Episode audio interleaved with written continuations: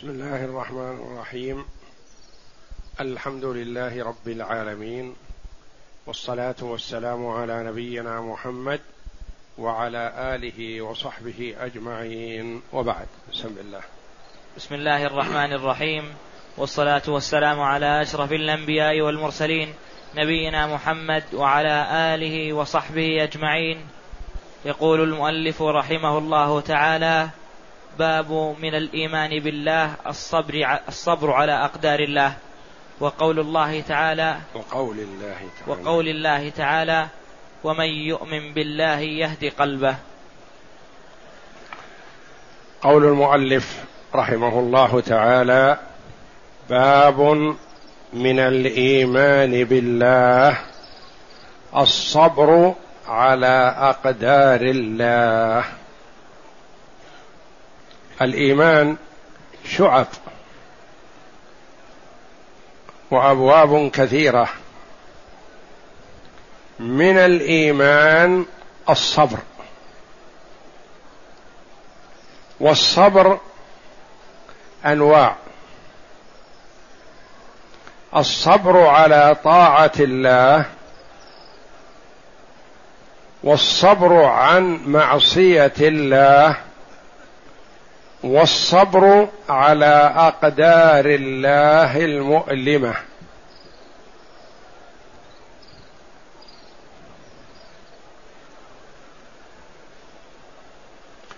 والصبر هو حبس النفس على ما يريده الإنسان. حبس النفس. صبر بمعنى حبس. والصبر على طاعة الله حبس النفس على طاعة الله. الصبر عن معصية الله حبس النفس ومنع النفس عن معصية الله. والصبر على أقدار الله المؤلمة حبس النفس ومنعها من الجزع. والتسخط على ما قدره الله جل وعلا. من الإيمان بالله الصبر على أقدار الله المؤلمة.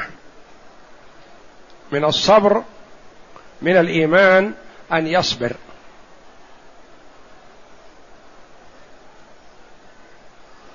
فإذا لم يحصل الصبر فيكون الإيمان ضعيف.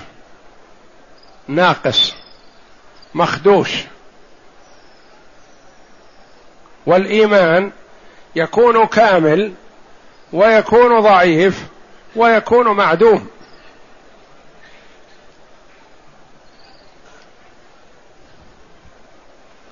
فالصبر على طاعة الله أن يحبس المرء نفسه ويلزمها ويمنعها عن التمرد على طاعة الله.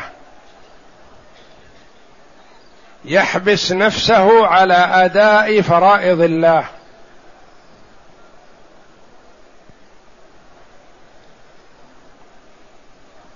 أداء الفرائض في أوقاتها جماعة مع المسلمين فيها مشقة على النفوس الضعيفة. لكن المرء إذا حبس نفسه على هذا وعودها تعودت بإذن الله. ويلزمها بهذا ويمنعها من التفلت. هذا حبس على طاعة الله. الحبس الصبر عن معصية الله تسنح له المعصية. وتتيسر. والنفس تنقاد إليها وتشتهيها. لكن يذكر ربه جل وعلا فيخاف من عقابه فيمنع نفسه عما تريد. النفس تريد المعصية فيمنع نفسه من المعصية. سنحت له المعصية في حال خفى عن الناس ما يطلع عليه أحد إلا الله. والنفس تشتاق إلى هذا وتريده لكنه منعها وحبسها عن أن تمتد إلى معصية الله. أي معصية من المعاصي؟ زنا سرقة شرب الخمر وغير ذلك من المعاصي. الصبر عن معصية الله. الصبر على أقدار الله المؤلمة. يعني ما قدره الله جل وعلا وقضاه. مات حبيبه مات أبوه مات ابنه مات أخوه مات قريبه مات عزيز عليه. يصبر. ويحتسب ولا يظهر الجزع. ولا التسخط. ويعرف أن هذا أمر قضاه الله وقدره لا بد وأن يقع. فإذا صبر وجاهد نفسه على الصبر أجر وإلا يسلو كما تسلو البهائم ويحرم الأجر. وال وقضاء الله نافذ. إذا جزع وتسخط يرد لا والله.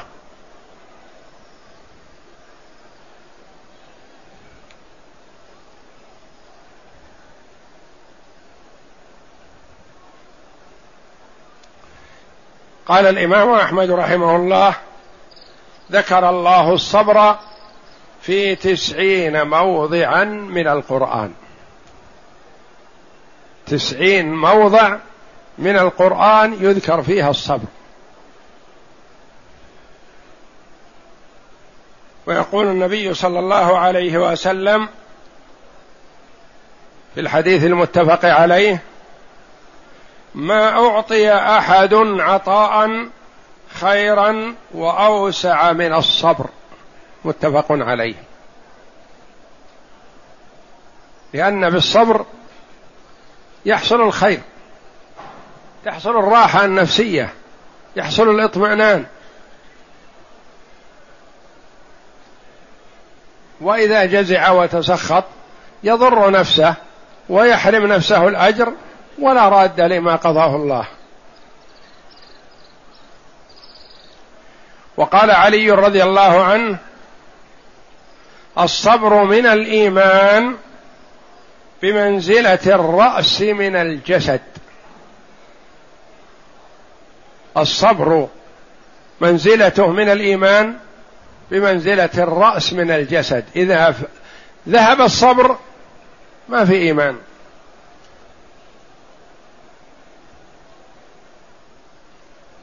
ثم رفع صوته فقال ألا لا إيمان لمن لا صبر له؟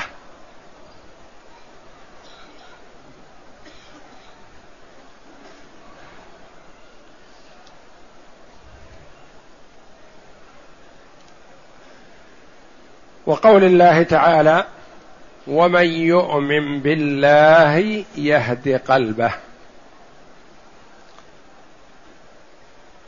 قبلها قوله جل وعلا ما أصاب من مصيبة إلا بإذن الله ومن يؤمن بالله يهد قلبه والله بكل شيء عليم.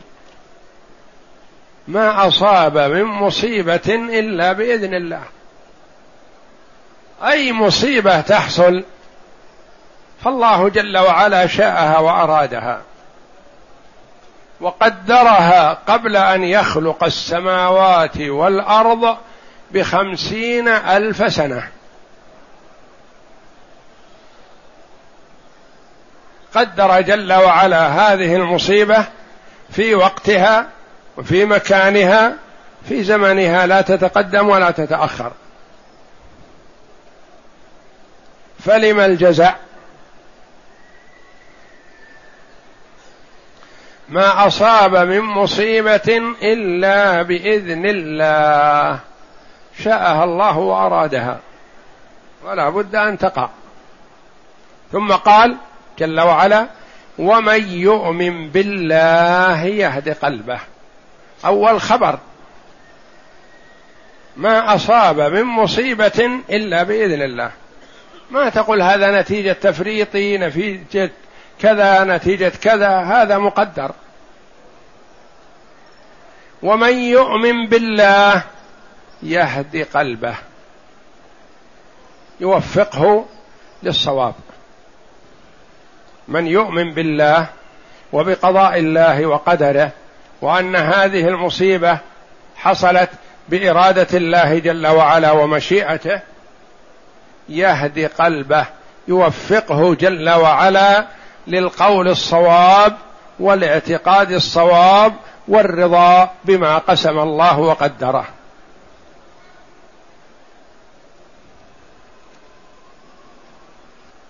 فالناس عند المصيبة صنفان.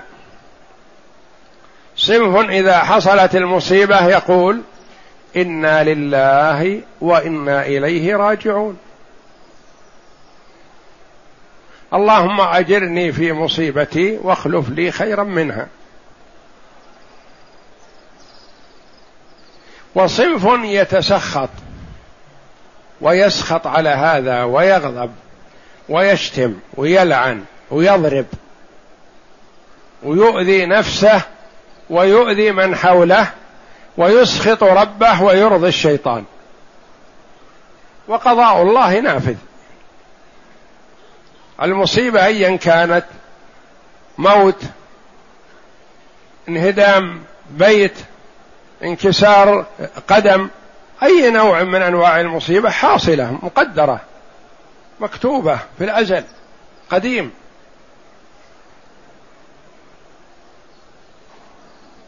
لكن فرق عظيم بين الاثنين. الأول يأجره الله جل وعلا في الآخرة الأجر العظيم. إنما يوفى الصابرون أجرهم بغير حساب. ويخلف الله عليه في الدنيا. والخلف أنواع. قد يعطيه أكثر مما فقد. وقد يعطيه إيمانا في قلبه ورضا بما قضاه الله جل وعلا. وقد يعطيه ما هو خير له من هذا الشيء الذي ربما لو بقي لكان بقاؤه شر عليه؟ لأن الله جل وعلا أعلم بمصالح عباده والعبد قد يحب شيئا وهو يضره وقد يكره شيئا وهو ينفعه. وعسى أن تكرهوا شيئا ويجعل الله فيه خيرا كثيرا. ومن يؤمن بالله يهدي قلبه. فسرها علقمة رحمه الله. قال علقمة هو الرجل تصيبه المصيبة فيعلم أنها من عند الله فيرضى ويسلم. علقمة هو ابن قيس بن عبد الله النخعي الكوفي رحمه الله. من كبار التابعين ومن فقهائهم وعلمائهم وثقاتهم رحمة الله عليه. أخذ عن أبي بكر وعمر وعثمان وعلي وعبد الله بن مسعود وعائشة رضي الله عنهم أجمعين. فهو تلميذ الصحابة وهو مولود في حياة النبي صلى الله عليه وسلم ولم يرى النبي صلى الله عليه وسلم فلا يقال له صحابي. ولد في حياة النبي ولم يراه. والصحابي هو من رأى النبي صلى الله عليه وسلم مؤمنا به ومات على ذلك.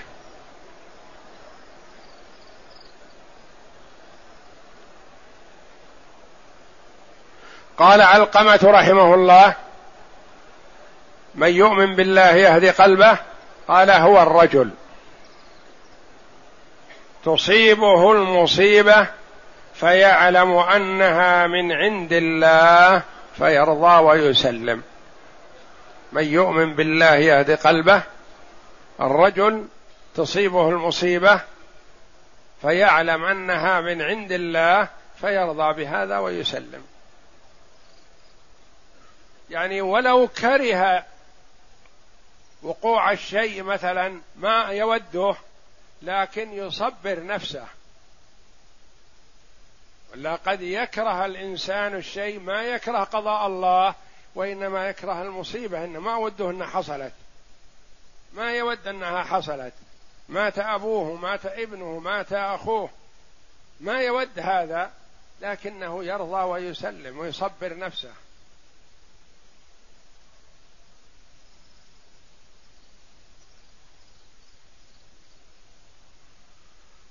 ورضاه هذا نتيجة علمه بأن هذه المصيبة من الله وقدرها الله. ولا بد أن تقع. ما يرجع باللوم على نفسه ويقول لو كذا لو حصل كذا لو نقلنا المريض من مستشفى إلى مستشفى لو نقلناه من بلد إلى بلد لو كذا وكذا لو نقلته تأخر موته لا. فإذا جاء أجلهم فلا يستأخرون ساعة ولا يستقدمون. والمصائب مقدرة لأن الله جل وعلا كما جاء في الحديث الصحيح أول ما خلق الله القلم فقال له اكتب. قال وما أكتب؟ قال ما هو كائن إلى يوم القيامة. فجرى القلم بما هو كائن إلى يوم القيامة. ألقى الله جل وعلا علم هذه الكائنات على القلم فكتبها فهي مكتوبة بعد أن قدرها الله جل وعلا. فهذا يولد في يوم كذا في ساعة كذا وهذا يموت في يوم كذا ساعة كذا وهذا يقوم بكذا وهذا الحادث يحصل كذا وهذا كل شيء بقضاء الله وقدره.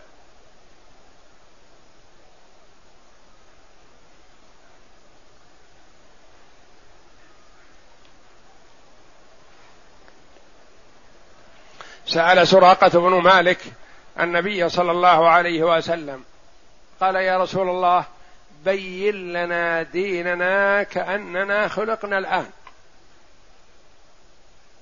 أنحن نسير على ما قدره الله وقضاه أم الأمر أنف؟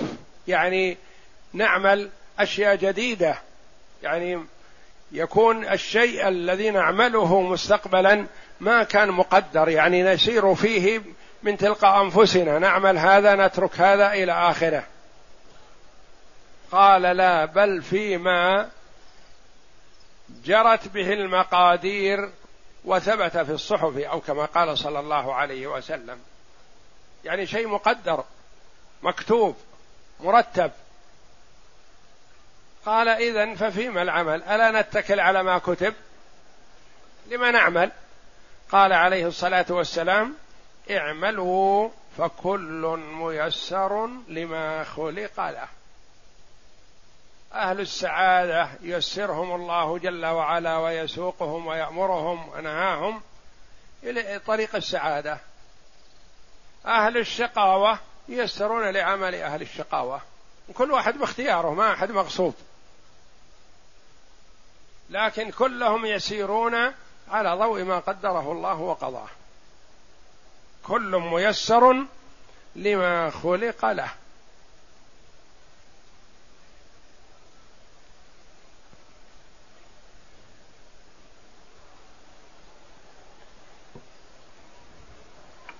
قال سعيد بن جبير رحمه الله ومن يؤمن بالله يهد قلبه يعني يسترجع.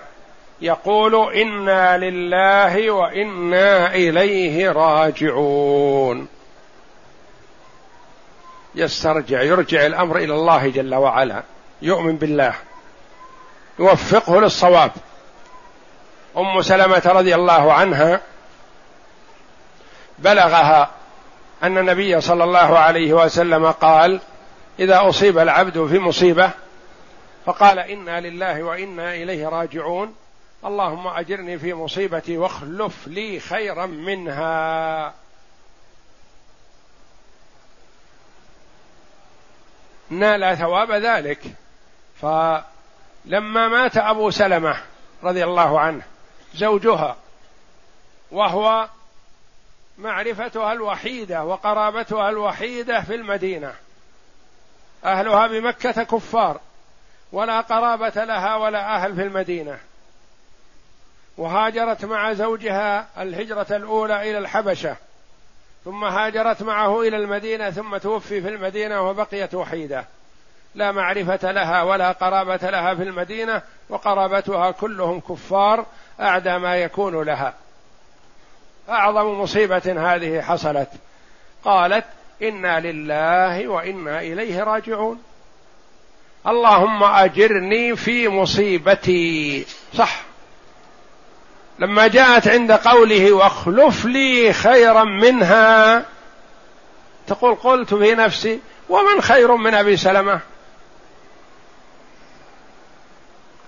كيف أقول هذا؟ واخلف لي خيرا منها. من خير من أبي سلمة؟ لكنها امتثلت رضي الله عنها. قالت واخلف لي خيرا منها. إيمان. بقول الرسول صلى الله عليه وسلم وتصديقا بوعده ووعد ربه جل وعلا. واخلف لي خيرا منها. حينما تمت عدتها عدة الوفاة جاءها رسول الله صلى الله عليه وسلم يخطبها بنفسه عليه الصلاة والسلام. بينما كان كبار الصحابة رضي الله عنهم يريدونها. لكن النبي صلى الله عليه وسلم سبقهم. لفضلها ولكرامتها عند الله جل وعلا. فجاء النبي صلى الله عليه وسلم يخطبها. خير من أبي سلمة وخير من في الدنيا كلها. فقالت لا ترد يا رسول الله لكن يمنعني ثلاث. ثلاث أمور كيف أتغلب عليها؟ عندي صبية. يعني وأخشى أن يضايقوك يتعبوك. الصبية أولاد المرأة. أولاد أبي سلمة صغار.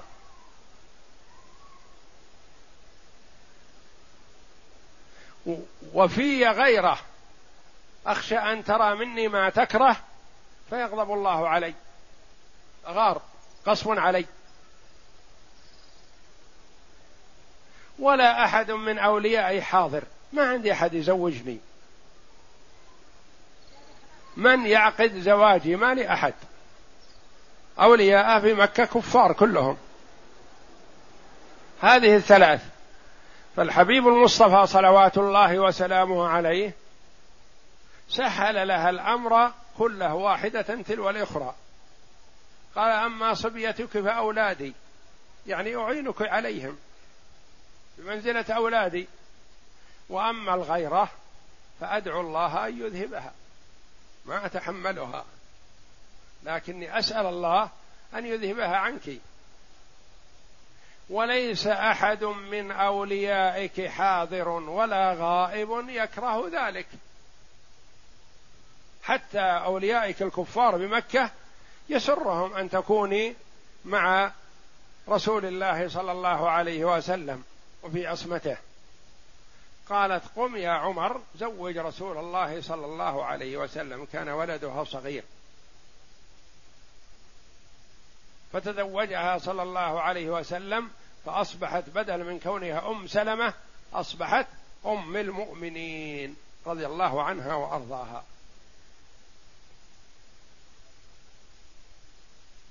فالإنسان يكره أول الأمر المصيبة ثم تكون خيرا له.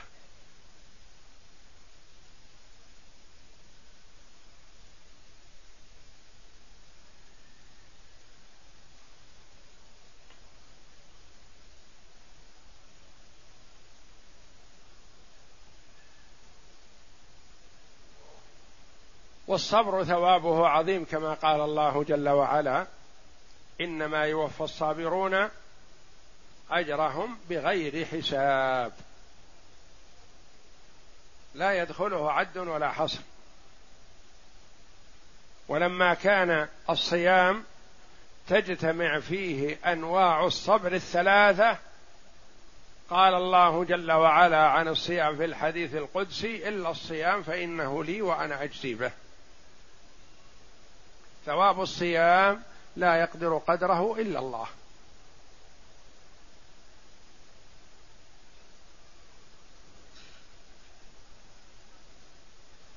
كل عمل ابن آدم له الحسنة بعشر أمثالها. يقول الله جل وعلا إلا الصيام فإنه لي وأنا أجزي به. ما يدخل ثواب الصيام عد ولا حصر.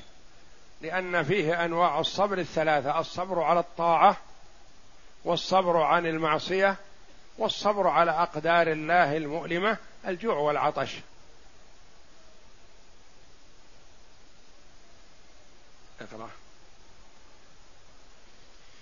وفي صحيح مسلم عن أبي هريرة رضي الله عنه أن رسول الله صلى الله عليه وسلم قال اثنتان في الناس هما بهم كفر. الطعن في النسب والنياحة على الميت.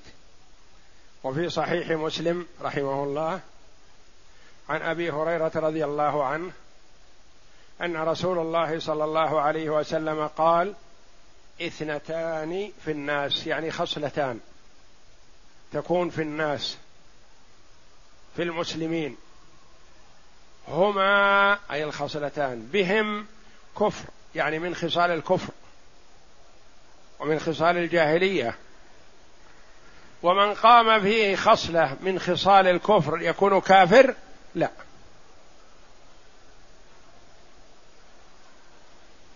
من قام به خصلة من خصال الكفر ما يكون كافر.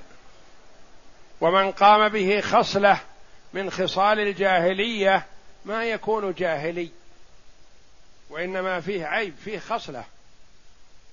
مثل من قام به خصلة أو شعبة من شعب الإيمان هل يكون مؤمن؟ لا.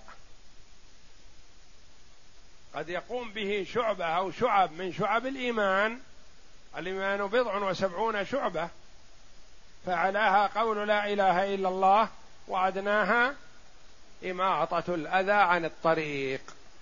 كافر اماط أماط الأذى عن الطريق. هل يكون مؤمن؟ لا. مسلم كذب. الكذب من خصال المنافقين من صفات المنافقين. مسلم طعن في نسب أخيه المسلم. الطعن في النسب من أفعال الجاهلية. يكون جاهلي؟ لا. يكون في خصلة من خصال الجاهلية مذمومة. لكن ما يقال كافر ولا منافق ولا جاهلي. النبي صلى الله عليه وسلم قال لأبي ذر رضي الله عنه إنك امرؤ فيك جاهلية لما عير رجلا بأمه. فيك جاهلية. فكلمة اثنتان في الناس هما بهم كفر فرق بين قول كفر وبين بين الرجل وبين الشرك أو الكفر ترك الصلاة. الكفر. الكفر المراد به الكفر الخروج من الإسلام. وكفر غير معرف نكرة يعني خصلة من خصال الكفر وفعل من أفعال الكفر. لكن ما يلزم أن يكون صاحبه كافر.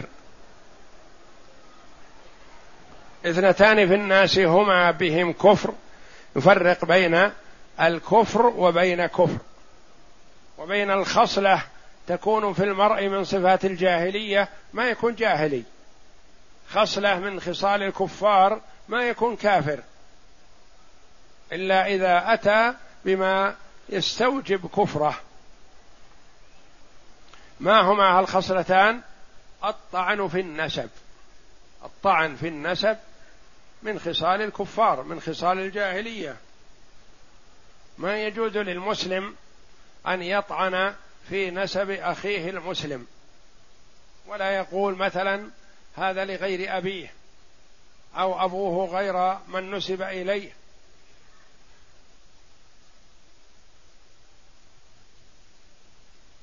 أو يتهم أمه بإلصاق الولد بأبيه وليس له. ونحو ذلك. والنياحة على الميت. النياحة على الميت من خصال الكفار ومن الجاهلية. مما بقي من أعمال الجاهلية في المسلمين. وكما تقدم لنا النائحة إذا لم تتب قبل موتها تقام يوم القيامة وعليها سربال من قطران ودرع من جرب والعياذ بالله.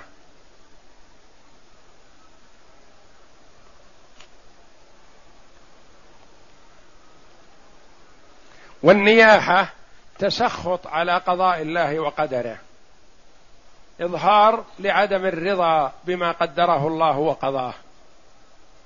النائحة تنوح وربما أنها غير مصابة بشيء وإنما هي مستأجرة لأجل تثير حماس النياحة في الأخريات المصابات.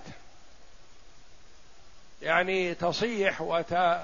وتنوح النياحة وليست مصابة بشيء وإنما لأجل تحريك الأخريات من النساء. أو تنوح على ابنها أو على زوجها أو على أبيها.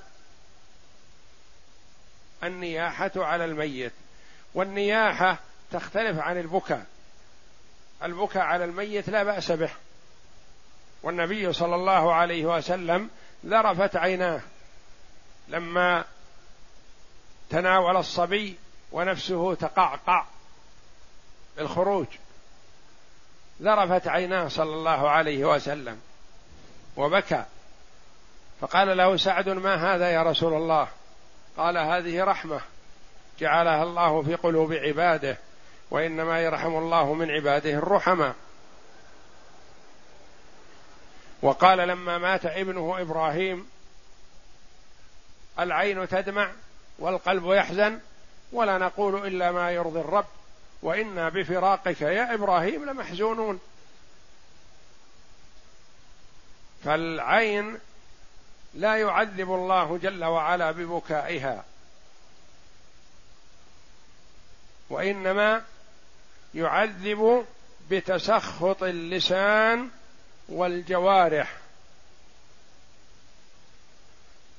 ويرحم بما يتكلم به اللسان من الكلام الحسن. كما قال عليه الصلاة والسلام إنما يعذب بهذا أو يرحم. وأشار إلى لسان نفسه عليه الصلاة والسلام.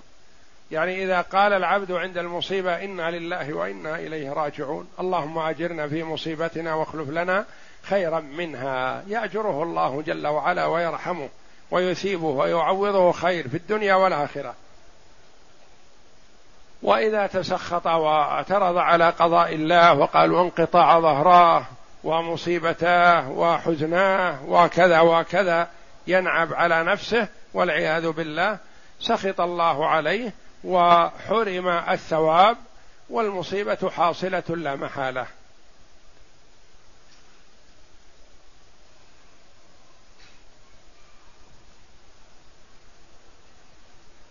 فالمرء يجاهد نفسه عند المصيبة يصبرها إن لم تصبر لينال الثواب عند الله.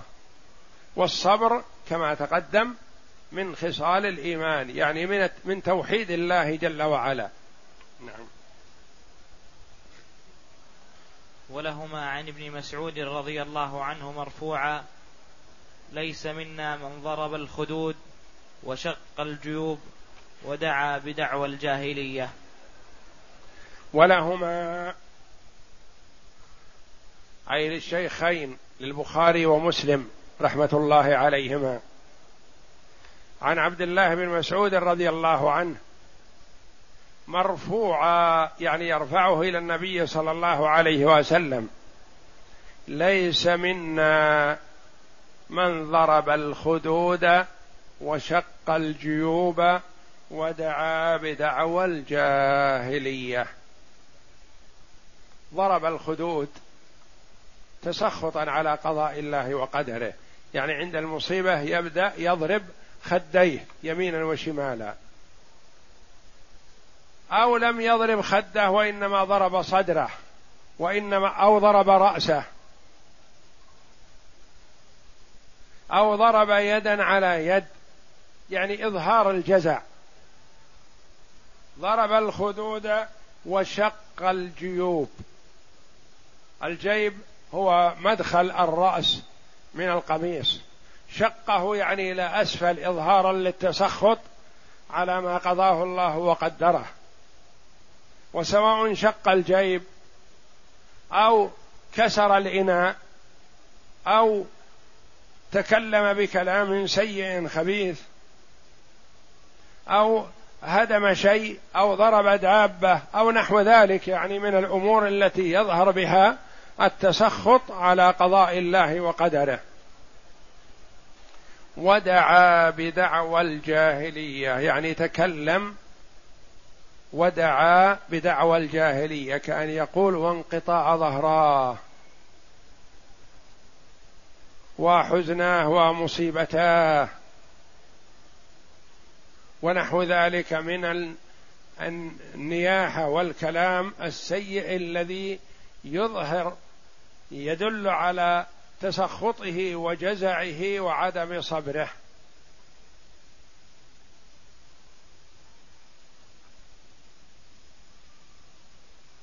وقول النبي صلى الله عليه وسلم ليس منا من ضرب الخدود إلى آخره ليس منا هذا زجر وتحذير وتخويف لمن فعل هذه الأشياء.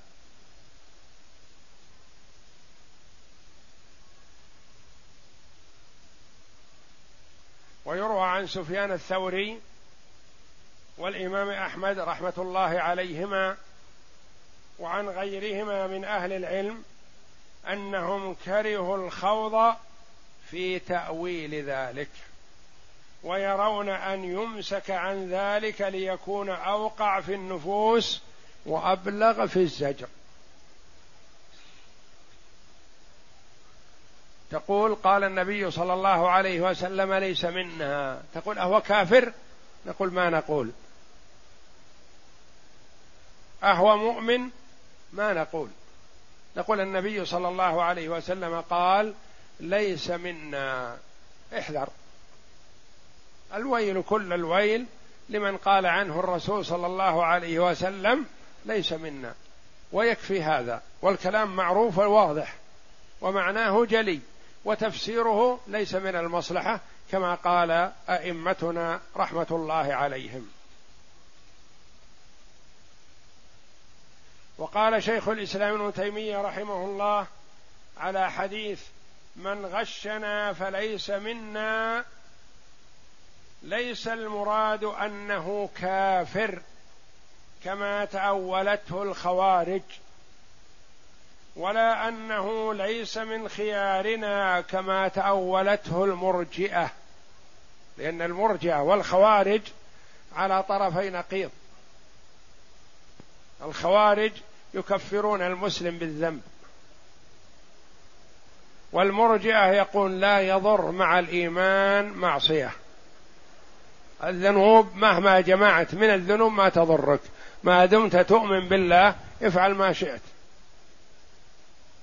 فهم على طرفي نقيض. الخوارج يقولون هو كافر. من غشنا ليس منا معناه كافر.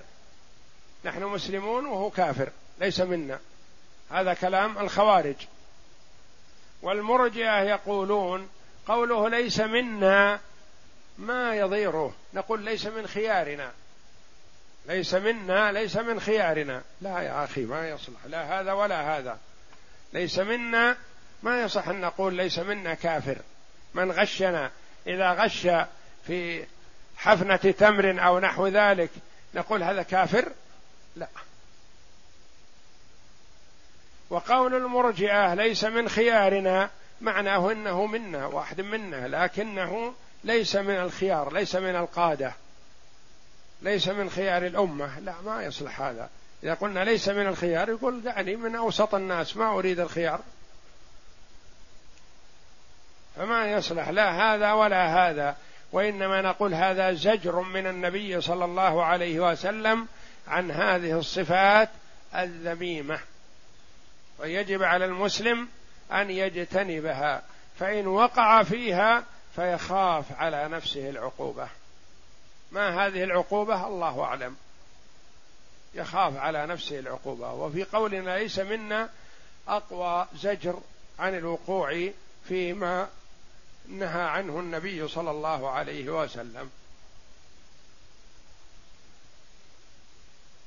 ولكن يقول شيخ الإسلام ولكن المضمر يطابق المظهر والمظهر هو المؤمنون المستحقون للثواب السالمون من العقاب والغاش ليس منا لأنه متعرض لعذاب الله وسخطه. متعرض.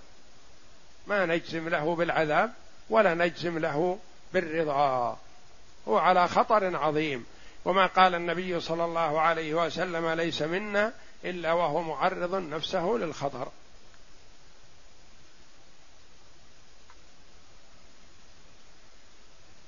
نعم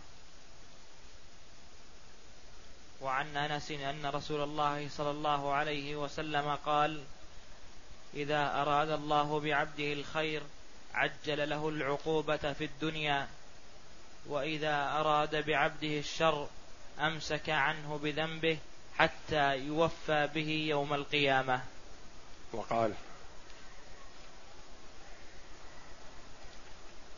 وقال النبي صلى الله عليه وسلم إن عظم الجزاء مع عظم البلاء وإن الله تعالى إذا أحب قوما ابتلاهم فمن رضي فله الرضا ومن سخط فله السخط. سخط. حسنه الترمذي. ومن سخط فله السخط. نعم ومن سخط. ومن سخط فله السخط. حسنه الترمذي. عن أنس رضي الله عنه أن رسول الله صلى الله عليه وسلم قال إذا أراد الله بعبده الخير عجل له العقوبة في الدنيا. المرء المسلم يحصل منه اقتراف لبعض الذنوب. فقد يعفو الله جل وعلا عنه في الدنيا بلا عقوبة لا في الدنيا ولا في الآخرة لأن الله جل وعلا جواد كريم. والحسنات يذهبن السيئات.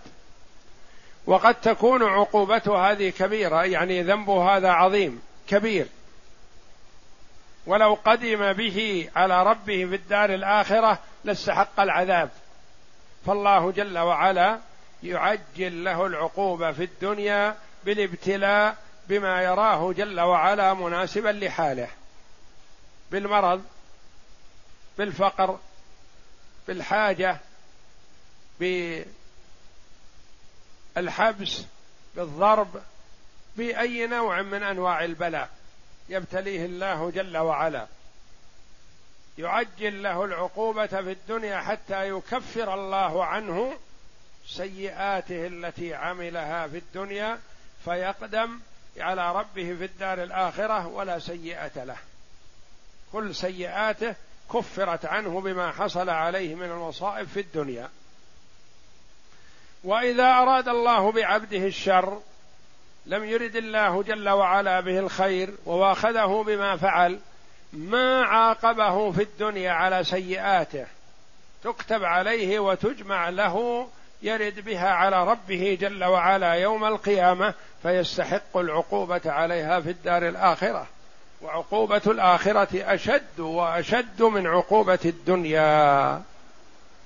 وفي هذا الحديث إثبات الإرادة لله جل وعلا وأن الله جل وعلا يفعل ما يشاء ويريد سبحانه وتعالى. وقال النبي صلى الله عليه وسلم إن عظم الجزاء مع عظم البلاء. يعني كلما كانت المصيبة أعظم كان الثواب أكثر. ابتلي بفقد إحدى عينيه مثلا والآخر ابتلي بعينيه كليهما وكلاهما في الصبر سواء. لا شك أن ثواب من فقد, من فقد عينيه معا فإنه أكثر من ثواب من فقد عينا واحدة. وهكذا. إن عظم الجزاء الثواب.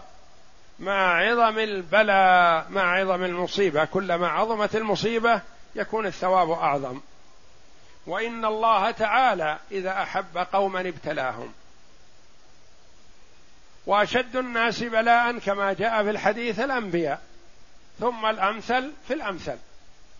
ما يقال هذا يحبه الله كيف يبتلي بالفقر كيف يبتلي بالجوع كيف يبتليه بالمرض. هذا تقي هذا صالح. نقول نبينا محمد صلى الله عليه وسلم أتقى الناس لربه. وما ابتلي أحد بمثل ما ابتلي به صلى الله عليه وسلم. أوذي من قبل كفار قريش الأذى الشديد. فصبر عليه الصلاة والسلام لينال الثواب العظيم.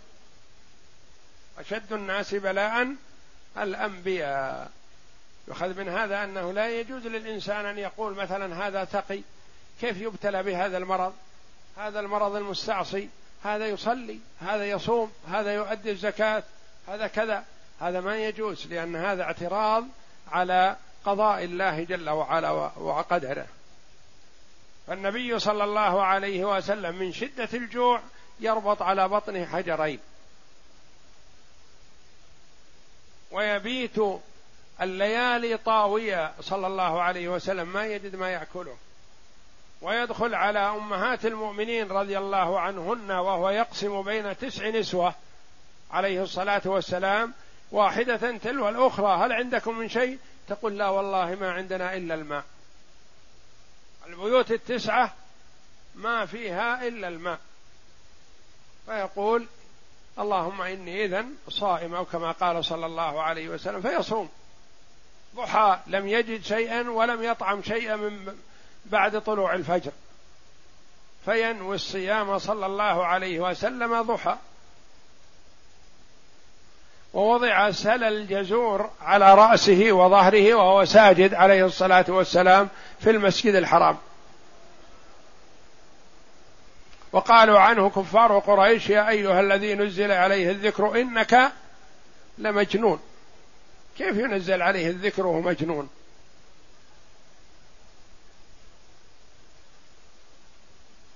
ونسبوه إلى السحر والكهانة وأمور فظيعة وهو بريء منها صلى الله عليه وسلم.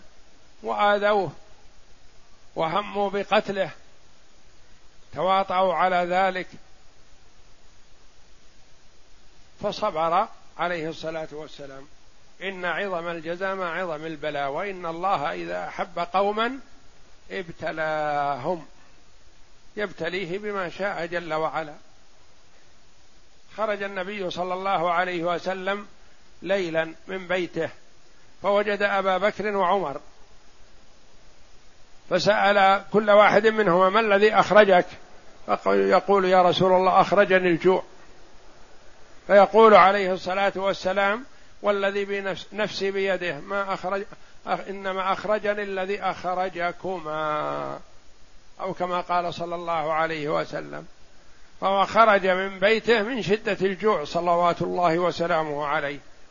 وهو أحب الخلق إلى الله وأتقى عباد الله جل وعلا وعليه الصلاة والسلام. وإن الله إذا أحب قوما ابتلاهم.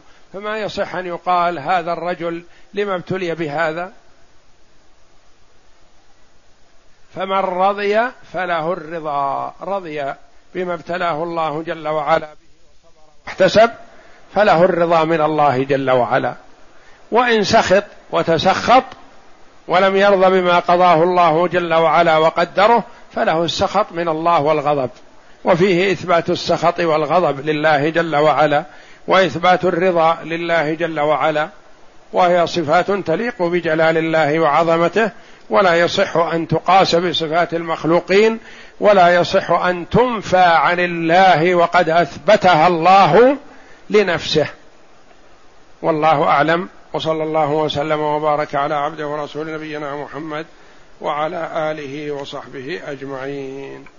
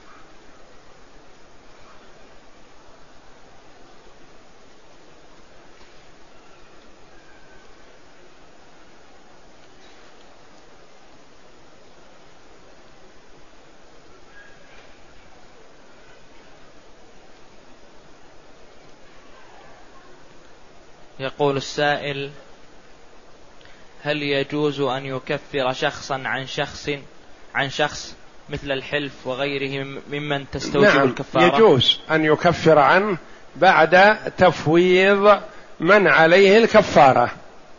الكفارة على الأم مثلا فتقول لولدها كفر عني يا ابني. أو الابن يقول لأمه أنا أتولى كفارة هذا اليمين فتأذن له في ذلك. لكن ما يكفر شخص عن شخص بدون علمه بل لا بد أن يعلم لأنه هو المخاطب بالكفارة.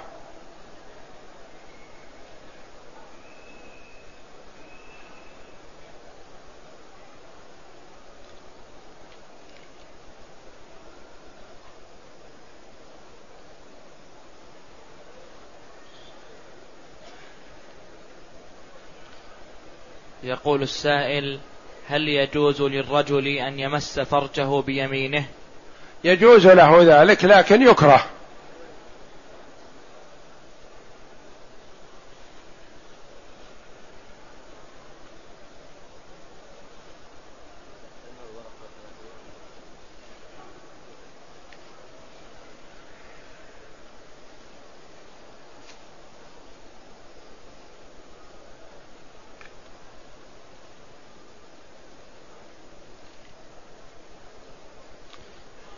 السائل ما حكم فتاة زوجت نفسها من شاب مع شاهدين بدون ولي ولا قاضي ولا إشهار ولا علم وليها؟ هل هذا الزواج صحيح؟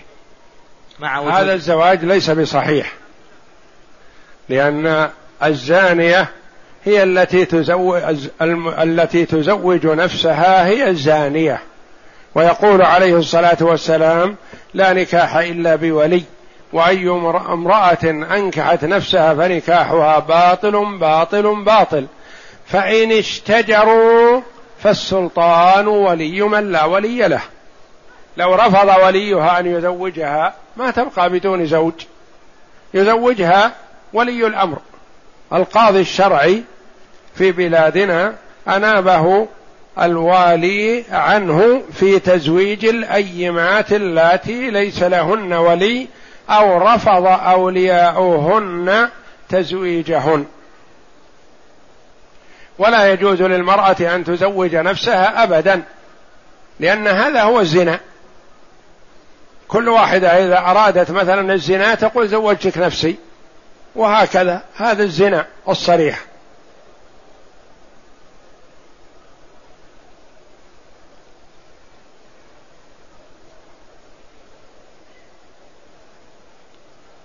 يقول السائل ما معنى يسلو كما تسلو البهائم في حق من لا يصبر ويجزع عند المصيبة يسلو كما تسلو البهائم يعني ينسى المصيبة بمرور الزمن ينساها ويحرم من الأجر والعياذ بالله. مثل البهيمة البهيمة أول ما تفقد مثلا ولدها تحن عليه ثم يوما بعد يوم تنساه.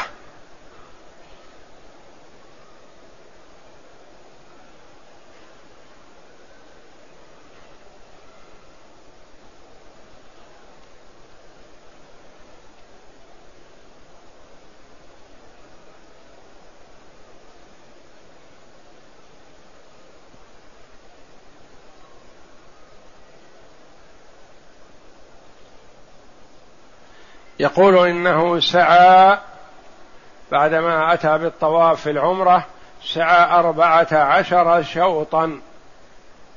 هذا جهل ولا يجوز للمرء أن يتعبد يعبد ربه على جهل بل عليه أن يتفقه في العبادة التي يريد أداءها حتى يعبد الله على بصيرة. وما دام سعى أربعة عشر شوطا فالعمرة صحيحة. لكن عليه مستقبلا في الأمور الشرعية أن لا يعمل من تلقاء نفسه وليس الدين بالرأي كما قال علي رضي الله عنه لو كان الدين بالرأي لكان أسفل الخف أولى بالمسح من أعلاه وإنما هي عبادات وتشريع من الله جل وعلا.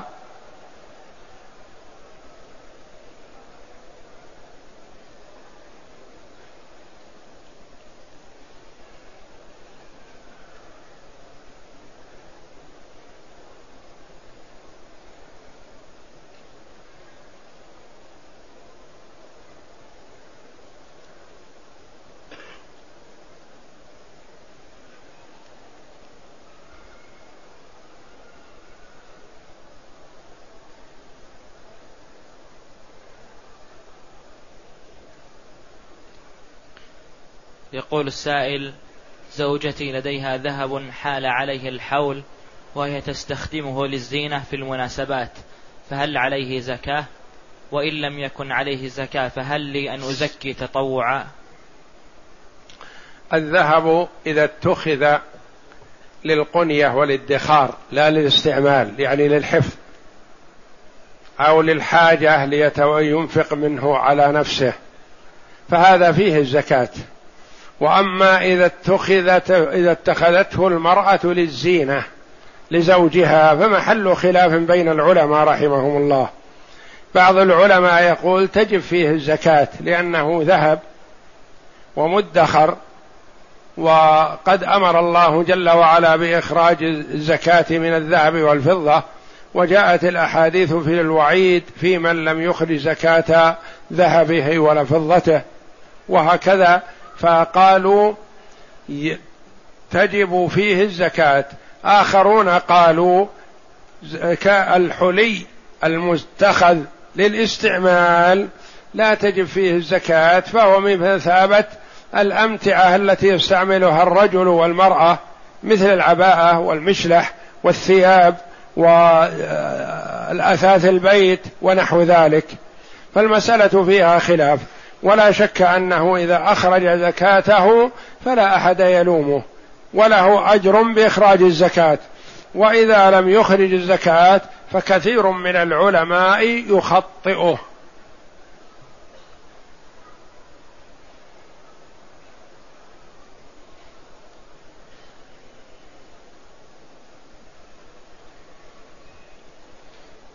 يقول السائل شخص يصلي النافلة ودخلوا معه اثنين بنية الفرض.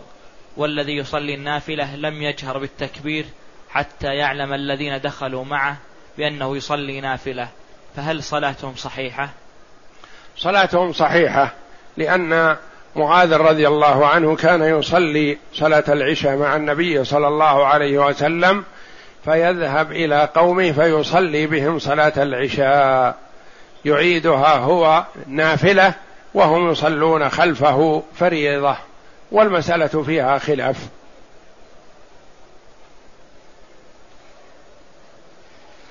يقول السائل يقال أن المصيبة بسبب ذنب ارتكبها المصاب. هل هذا القول صحيح؟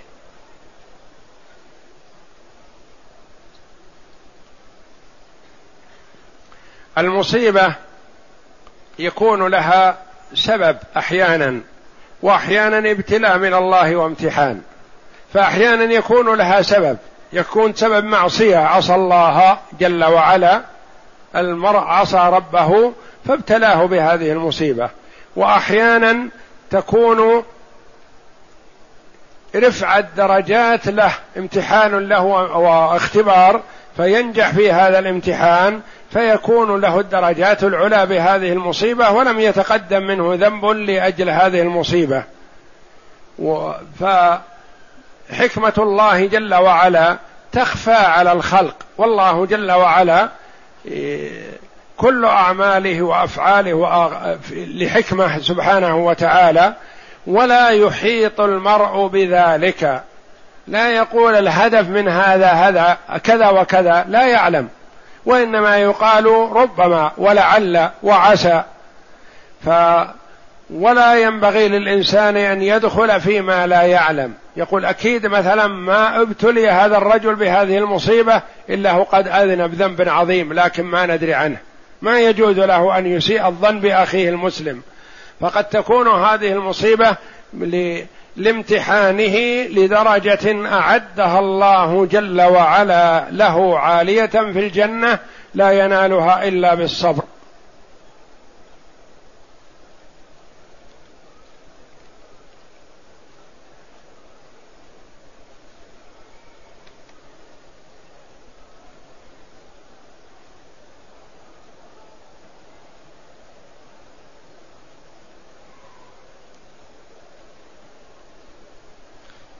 يقول السائل ما حكم الرجل الذي لم يصلي الجمعة في كل أسبوع بسبب عمله؟ حيث أن عمله في مكان بعيد جدا عن المسجد. إذا كان في مكان لا يسمع الندى ولا يصل إلى مكان الجمعة فهو معذور في هذا.